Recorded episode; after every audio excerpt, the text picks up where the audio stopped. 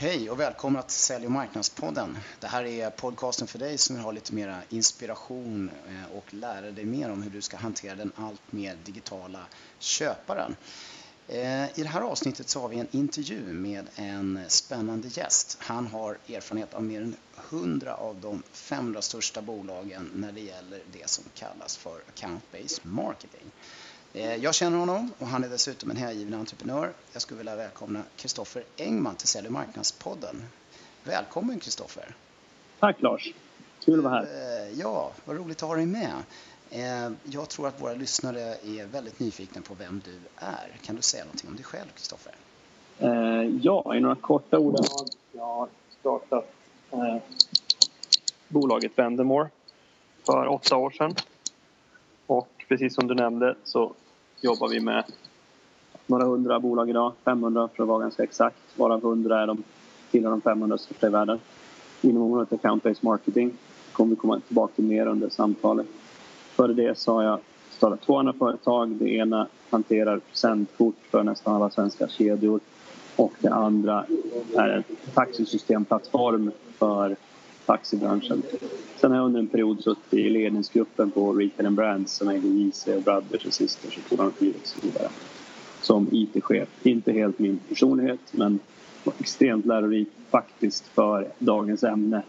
Det vill säga marknadsföring och försäljning, business to business. För som köpare så lärde jag mig extremt mycket om marknadsföring och försäljning och vad som faktiskt fungerar i stora komplexa politiska organisationer. Ja, var jättebra. Ja, men det är perfekt att ha lite sån blandad eh, bakgrund med sig i portföljen. Du, eh, som jag sa här så är du en eh, hängiven entreprenör. Eh, kan du berätta lite mer vad det är du brinner för egentligen? Eh, det, det som har gjort att eh, Vendemore ligger så nära mitt hjärta det är egentligen att jag hela mitt liv gillat kombinationen ny teknik och psykologi och framförallt tillämpat på påverkan, det vill säga marknadsföring. Och, och tittar man i min karriär så har jag snurrat i det området mest hela tiden med några små, små undantag. Och det som är väldigt, väldigt spännande, för marknadsföring har alltid varit väldigt fokuserat på ska jag säga någon typ av antingen business consumer marknadsföring och business to business så har den varit väldigt transaktionellt fokuserad. Och det jag såg när jag satt i ledningsgruppen på Retail and Brand och var IT-chef och blev approcherad av en massa säljande bolag det var hur stor politiken inne i företaget har hur stor betydelse politiken inne i ett företag har för utkomsten av en sälj och marknadsprocess. Mm. och, och, och det, det som är spännande tycker jag och som får mig att vakna upp glad varje morgon det är hur man med hjälp av marknadsföring kan påverka större affärer på namngivna konton. Det tycker jag är extremt spännande. Ja, ja vad roligt. Eh, ja, det är ju också så att, eh, att de här eh, köparna som är inblandade i de här komplexa köpprocesserna har ju gått och blivit så extremt eh, digitala nu för tiden med som ju bara ökar liksom, eh, möjligheterna och intresset i att, eh, att fixa till det här, eller hur? Ja, exakt. Visst är det så. Det finns ju en mängd studier som pekar på det. Dels finns det en Gartner-studie som kan inte den exakt utan till men det är någonting i stil med att antalet säljare kommer sjunka till en femtedel, en sjättedel av vad vi har idag. Och det är mycket på grund av att företagen använder mer och mer ny teknik för att ta de lättaste momenten av marknads och säljprocessen och lyfta ut det i form av content, videos, eh, podcasts som den här, infographs, artiklar, referenscase och så vidare. Eh, och säljarna kommer över tid att mer och mer fokusera på det allra, allra svåraste, det vill säga att matcha kundens behovsbild med rätt lösningar och spara ihop det lite mer komplext. Eh, sen är det studier som också visar på att större och större del av köpcykeln, mycket på grund av de här trenderna, eh, sker via nätet. Och även när det gäller riktigt komplexa affärer. Precis. Ja, det är spännande att ta upp den här Gartner-undersökningen faktiskt. Det, den har vi nämnt lite grann tidigare. Det är, det är otroligt intressanta siffror verkligen. Det kommer ja. att ställa väldigt höga krav på att man, eh, att man skapar Eh, mycket relevant eh, content som kan hjälpa köparna på den här komplexa köpresan men också att man kan få ut det här content naturligtvis till de här eh, köparna så att det liksom blir en del av deras köpprocess. Annars så, så, finns det ju ingen nytta av det varken för köparen eller för, för säljaren i det här sammanhanget. Du, jag tänkte vi skulle kunna kanske gå in lite mer konkret på hur du ser på utmaningarna för, för företagen idag som, som ska försöka hantera det här? Absolut. Jag ska en sista kommentar till den här Gartner-studien. Ja. Den säger att det kommer sjunka till någonstans en femtedel, en sjättedel. Personligen tror jag att det är en för dramatisk skillnad. Däremot kan man se den studien som en ganska kraftig trendförändring. Historiskt sett har bolag sett att enda sättet att öka omsättningen och vinsten är att anställa fler säljare. Och där ser vi nu ett trendbrott där man flyttar mer och mer pengar in i marketing och inte omedelbart kastar sig på rekryteringsknappen när man ska växa. Eh, men, men tillbaka till din konkreta fråga. Det, det, finns ett antal grundutmaningar inom sälj och marknadsföring som jag har sett över de sista 15 åren. Och en är att man, man har jobbat ganska hårt på att eh, olja upp marknads och säljprocessen. Och man har satsat ganska mycket pengar på, på sök, man har satsat mycket pengar på, på marketing automation och så vidare. Det, det som har, det konsekvensen har blivit det är att fler och fler bolag har en ganska effektiv leadsapparat i volymtermer. Men det de misslyckas med det är att allokera marknadsresurser i relation till hur de allokerar säljarna. För tittar du på en, både en befintlig och en potentiell kundbas så, så, så tenderar marknadsföringen att spridas jämnt mellan toppkunderna och den långa svansen av long tail kundlistan, eller C-kunder vad man nu kan kalla dem. Och det är inte helt optimalt. Så mitt område som jag jobbar med varje dag, account-based marketing, fokuserar väldigt mycket på hur du kan allokera mycket mer resurser till de bästa befintliga kunderna där det finns tillväxtpotential och tvillingar till dem, det vill säga de bästa potentiella kunderna där vi vet att kommer vi bara in där så kommer vi göra otroligt bra affärer. Eh, sen om man tittar på, på eh, marknads och säljprocessen så stöter vi på ett antal problemställningar som eh, gör egentligen att både content marketing, marketing automation och kategorin jag representerar, account-based marketing, växer ganska mycket. Och om man tittar i toppen av, av the funnel så hittar vi att många företag antingen genererar för få leads eller så genererar de bra antal leads men med för låg kvalitet. Mm.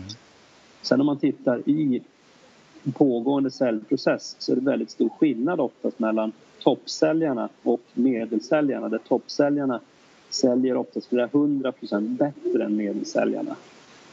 Och det beror oftast på hur bra de är på att hantera nätverket in hos kunden och faktiskt påverka politiken in hos kunden.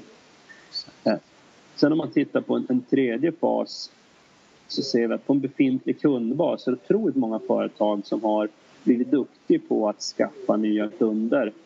Eh, men de, de slåss med en svajig lönsamhet.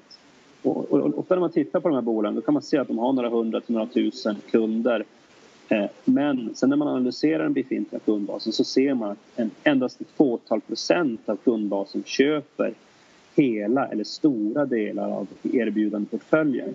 Så att de flesta bolag har ganska stora brister i sin korsförsäljning. Och och, det har en massa underliggande skäl. Det, det, är ganska likt problemen under en pågående säljcykel. Det är de flesta säljare faktiskt inte så bra på att prata med många personer inne hos kunden. Och ska du bedriva en korsförsäljning så måste du påverka många fler många gånger. Det kan ju vara så att det är ett visst team som köper in grunderbjudandet. Sen är det helt andra människor som fattar beslut om tilläggstjänster och tilläggssystem och vad det kan vara. Exakt. Mm. Och sen har vi det, det sista området som är någon typ av försvarsområde där, där det är många företag som konstant blir utsatta för take-out-försök från sina konkurrenter. Konkurrenterna har liksom listat de här befintliga kunderna till min konkurrent, de ska jag ta över. Och så angriper de de här kunderna och då, då leder det till att ja, företaget som har kunden tappar dem helt enkelt och det kan vara ganska skadligt. Ja, det är intressant det här att eh, när du går igenom den här utmaningen. Jag håller med dig i väldigt eh, mycket av det här. Och eh, det, det som ju blir utmanande totalt sett är att man måste dels vara effektiv och eh, bra och ha tydliga strategier för att generera liksom mängden affärer eh, och kvaliteten. Eh, och sen så måste man vara skicklig på att driva en effektiv säljprocess och få sina säljare att liksom, eh, kunna hantera den, eh, eh, kunna vidareutveckla sin kundbas på ett effektivt sätt och sen säkerställa att man inte tappar sina kunder. Och jag, jag, jag, tycker att, att mycket av de här tankarna kring, kring det här med content marketing och hjälpande marknadsföring och det här som pratas om kring account-based marketing och social selling, att man måste få ihop det här liksom till, en, till en helhet på något sätt. Vad säger du om det, Kristoffer? Ja, helt enig. Helt enig. Det, det är, eh, man får sätta en ram kring, kring det vi pratar om.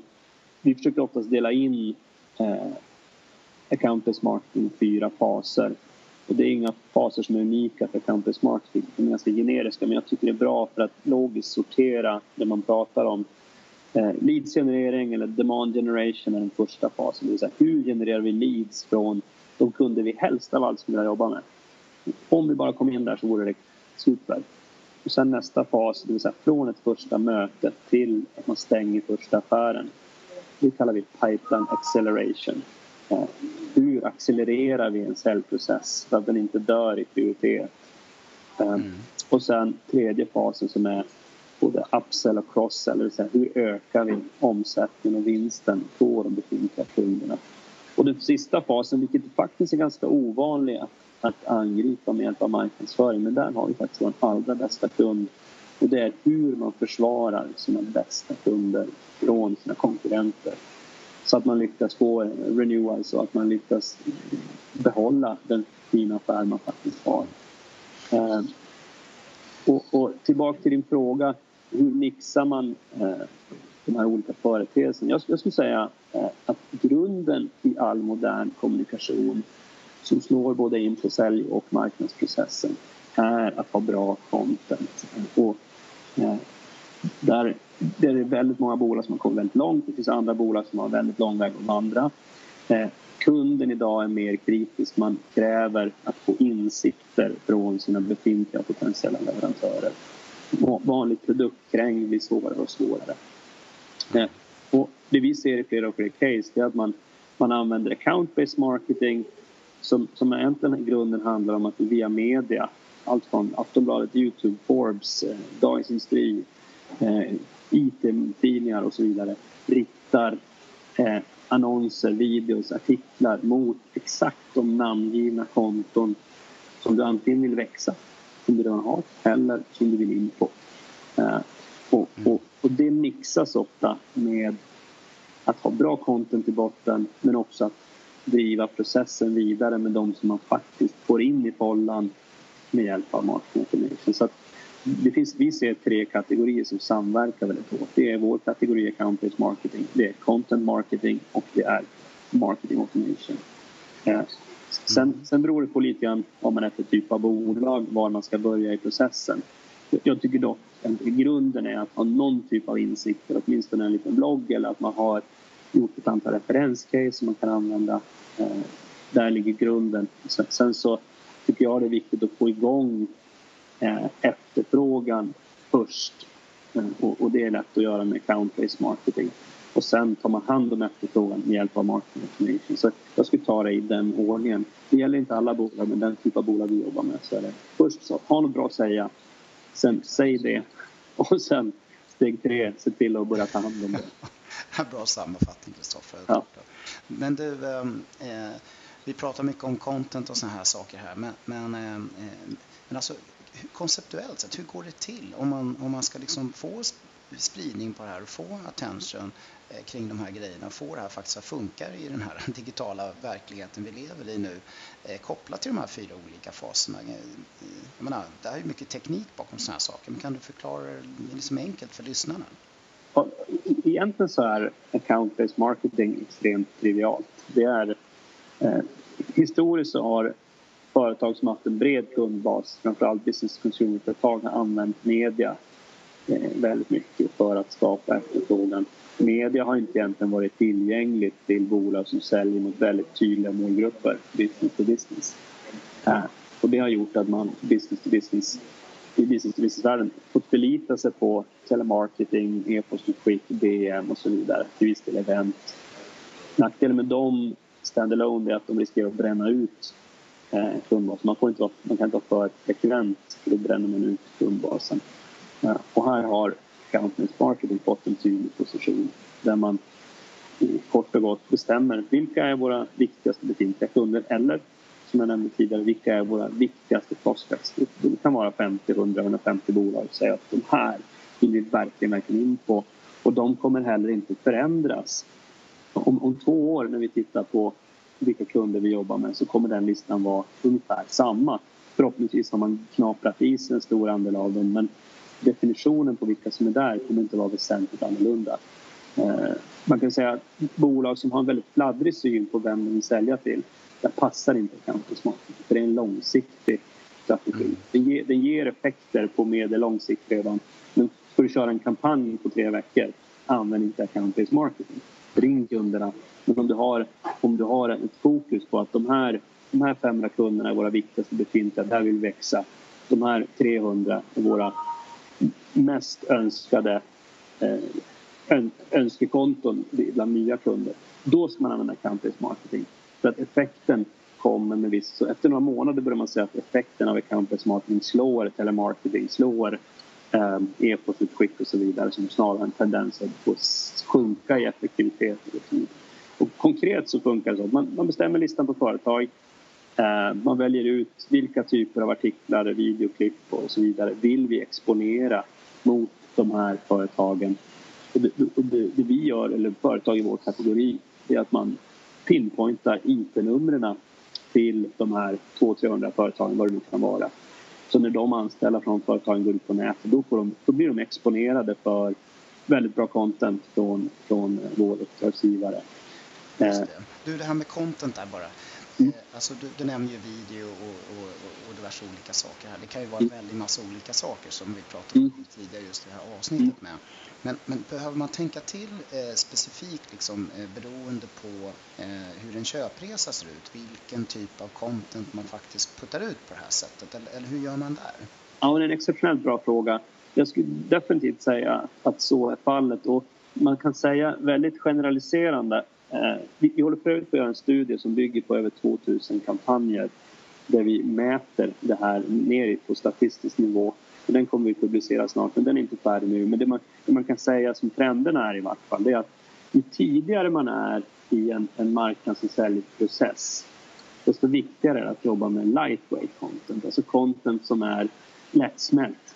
Eh, för då ska vi attrahera människor som kanske inte bryr sig om den företeelse som du säljer de kanske, inte, de kanske inte ens är medvetna om den problembild de har. Det är ett latent problem. Eh, och då, ska man, då har vi märkt att det är effektivt att dels marknadsföra problemen, alltså problemdefinitionerna, inte ett ord om lösningen, utan mm. beskriva problemen. Och det andra som är väldigt effektivt är att lyfta referenser, bara namedroppa företag som man redan jobbar med som är i exakt samma bransch som målföretaget. Extremt effektivt. Och det andra är att använda content som är ganska lättviktigt. En checklista, ett kort referenscase, en kort video. Eh, saker som, alltså vi, vi brukar ibland säga så här, tänk Aftonbladet. När Aftonbladet går ut med, med olika typer av nyheter så är de ganska ytliga om man ska vara lite elak. Ganska så populistiska. Och det är samma inom content. Det som funkar i en tidig, tidig fas där kunden inte ens har fått ett intresse det är Aftonbladet-tänket. Vad fångar deras första, första nyfikenhet. Eh, då är det lättviktscontent och problem och referenser. Det har vi sett fungera. Sen ju längre in i, i relationen med kunden man kommer desto djupare måste man gå och då funkar white papers, längre videoklipp, eh, längre artiklar med mer detaljer. Eh, och, och, så, så det är den stora, stora trenden som vi ser hela tiden. Eh, men sen, sen är det, det som är lite klurigt det är att du kan ju ha till exempel en befintlig kund som du vill bedriva korsförsäljning på.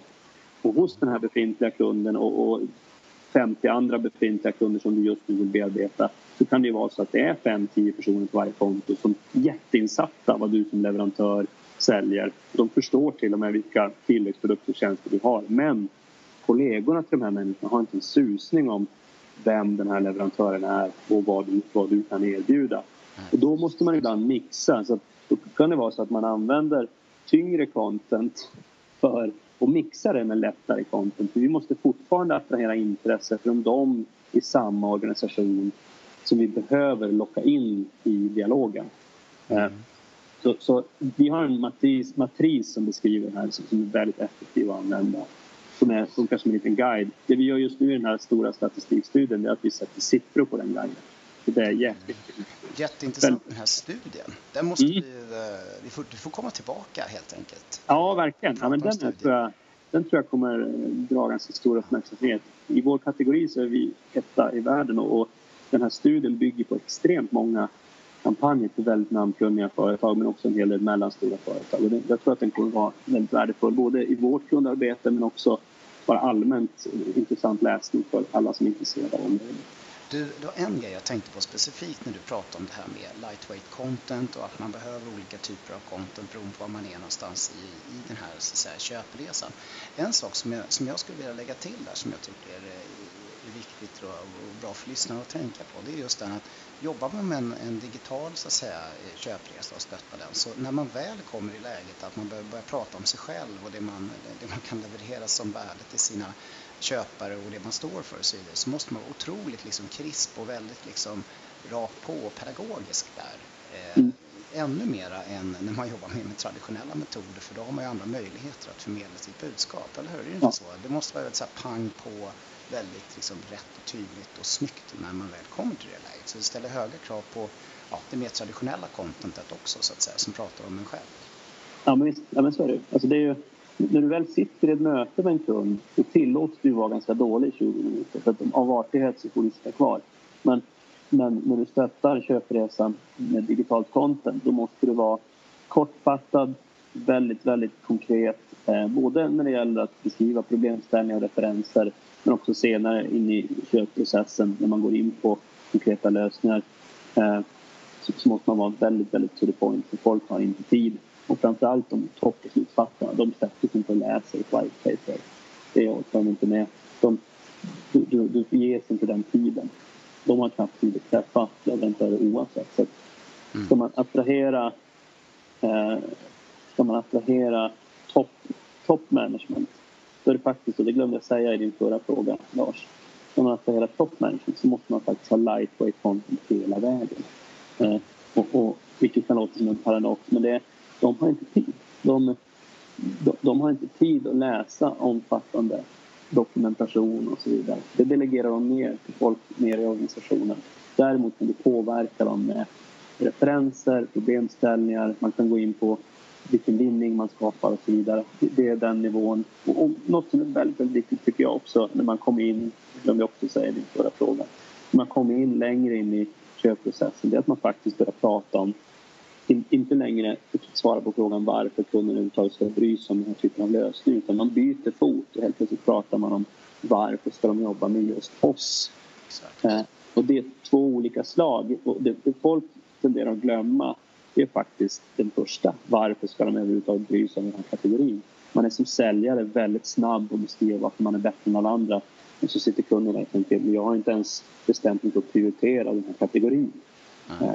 Så konkurrensen mot status quo, eller mot att kunden inte gör någonting, det skulle jag säga är den vanligaste konkurrenten. I vart fall för proaktiva företag. För företag som bara sitter och väntar på upphandling, då är det självklart inte så. Men de brukar inte vara så. Lyftare generellt. De blir färre och färre. ja, de blir, de blir färre och färre. Jo, en, en, annan reflektion faktiskt som jag har gjort eh, rätt mycket på senare tid med, med en del av, eh, av företag jag träffar det är just att, att något som kan vara väldigt effektivt i de här eh, sammanhangen det är att man, man jobbar med digitalt content på olika sätt för att stötta köpresor men att man också klämmer in liksom det här lätta mötet och marknadsför det som man kan ta så att säga, med en, en, en leverantör. Eh, ja. Du vet att jag kan hjälpa dig att göra ROIn på en investering eller jag kan förklara för någon annan hur man ska tänka om man ska göra er, eh, ert företag lite bättre. Eller, alltså man har olika typer av styrda möten som man liksom erbjuder som levererar en direkt nytta till köparen eh, som en hjälp på köpresan helt enkelt. Ja men det är jag helt, helt enig om. Det, det är definitivt så. Och det, det som är personligen har jag haft en stor nytta av att ha suttit som CIO en period. Det var liksom verkligen en, en ögonöppnare. För att, eh, det, är ju verkligen som du säger Lars, som kund så sitter man där och jämför inte bara vem är bäst i den här kategorin. Man tittar på okay, vad, vad ger den här investeringen? Vilka, vilka investeringar måste jag göra från människor? Hur lång tid kommer det här att ta att ta in? Eh, och, och, inte bara varför är A bättre än B som de flesta fokuserar för mycket på. Det tycker jag är jätteviktigt i en viss fas men det är oftast inte snubbeltråden utan det är att man glömmer bort att kunden sitter i en utvärderingsprocess som är mycket mer komplex. Och det, det var verkligen en stor lärdom när jag satt som CIO. Det var att leverantörerna kom dit och berättade varför de var bättre än andra i sin kategori. Men jag satt ju där med tre pågående jätteprojekt. Jag hade en backlog på 14 initiativ som brann men som jag inte ens hade påbörjat. Eh, och, och, så kommer de med något nytt och börjar direkt prata om varför de är bättre än de andra i samma kategori. Min stora fråga var ju varför ska jag överhuvudtaget ta in er på den här brinnande listan av initiativ? Eh, och, och, och då, eh, då är att, att hjälpa kunden i hela beslutsprocessen. Hur behöver ni bemanna på er sida? Hur, eh, hur, hur lång tid måste ni allokera för att komma igång? Hur mycket tid måste ni allokera för att driva det här vidare? Det är, det är eh, otroligt många som glömmer bort det. Jag skulle säga att en annan erfarenhet, pris är ofta sekundärt. Framförallt i komplexa lösningar. Det är mycket större fokus på riskminimering. Riskminimering och hur bemannar jag det här från min sida? Jag som kund, hur ska jag bemanna det här? Det, kommer jag ihåg, vi satt ofta och, och pratade om olika initiativ och så kom vi fram till, ja men vem ska driva det?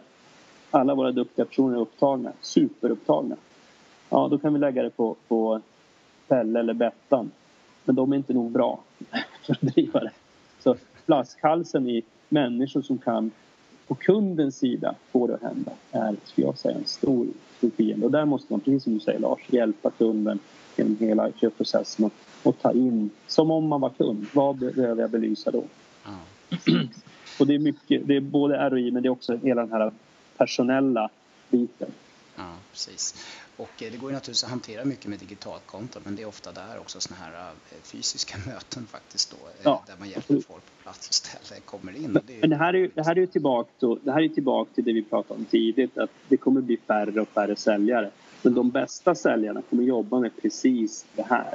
Ja. Alltså buying facilitation kallar de det. Alltså hur hjälper du kunden att köpa och hur hjälper du kunden att guida dem genom beslutsprocessen.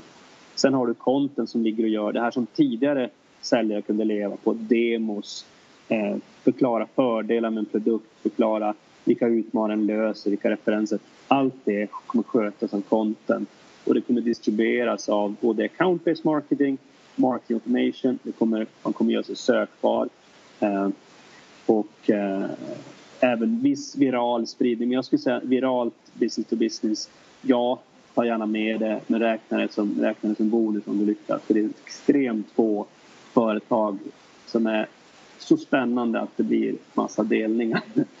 Jag tror så här att man, man, eh, man kommer ju, gör man det här rätt så att säga så, så får man naturligtvis väldigt bra effekter kopplat till SEO och man, man kan sprida ja, ja. via sociala kanaler. Via, men man måste definitivt vara beredd att betala pengar för att få spridning på sitt content till, till dit man vill att det ska hamna. Ja, det. Och det är exakt det som man måste om man ska lyckas med account-based marketing. Så det, ja. eh, har du hört förresten, det har jag inte hunnit berätta för dig, vi kan IP-styra Google AdWords. Så du kan lägga en sökmatta bara mot de företag du vill påverka. Ja, det, det är en jättespännande teknik. Du, Kristoffer, jag tror vi kommer få fler podcastavsnitt med dig. Mm. du vet vad, tiden springer ifrån oss lite grann.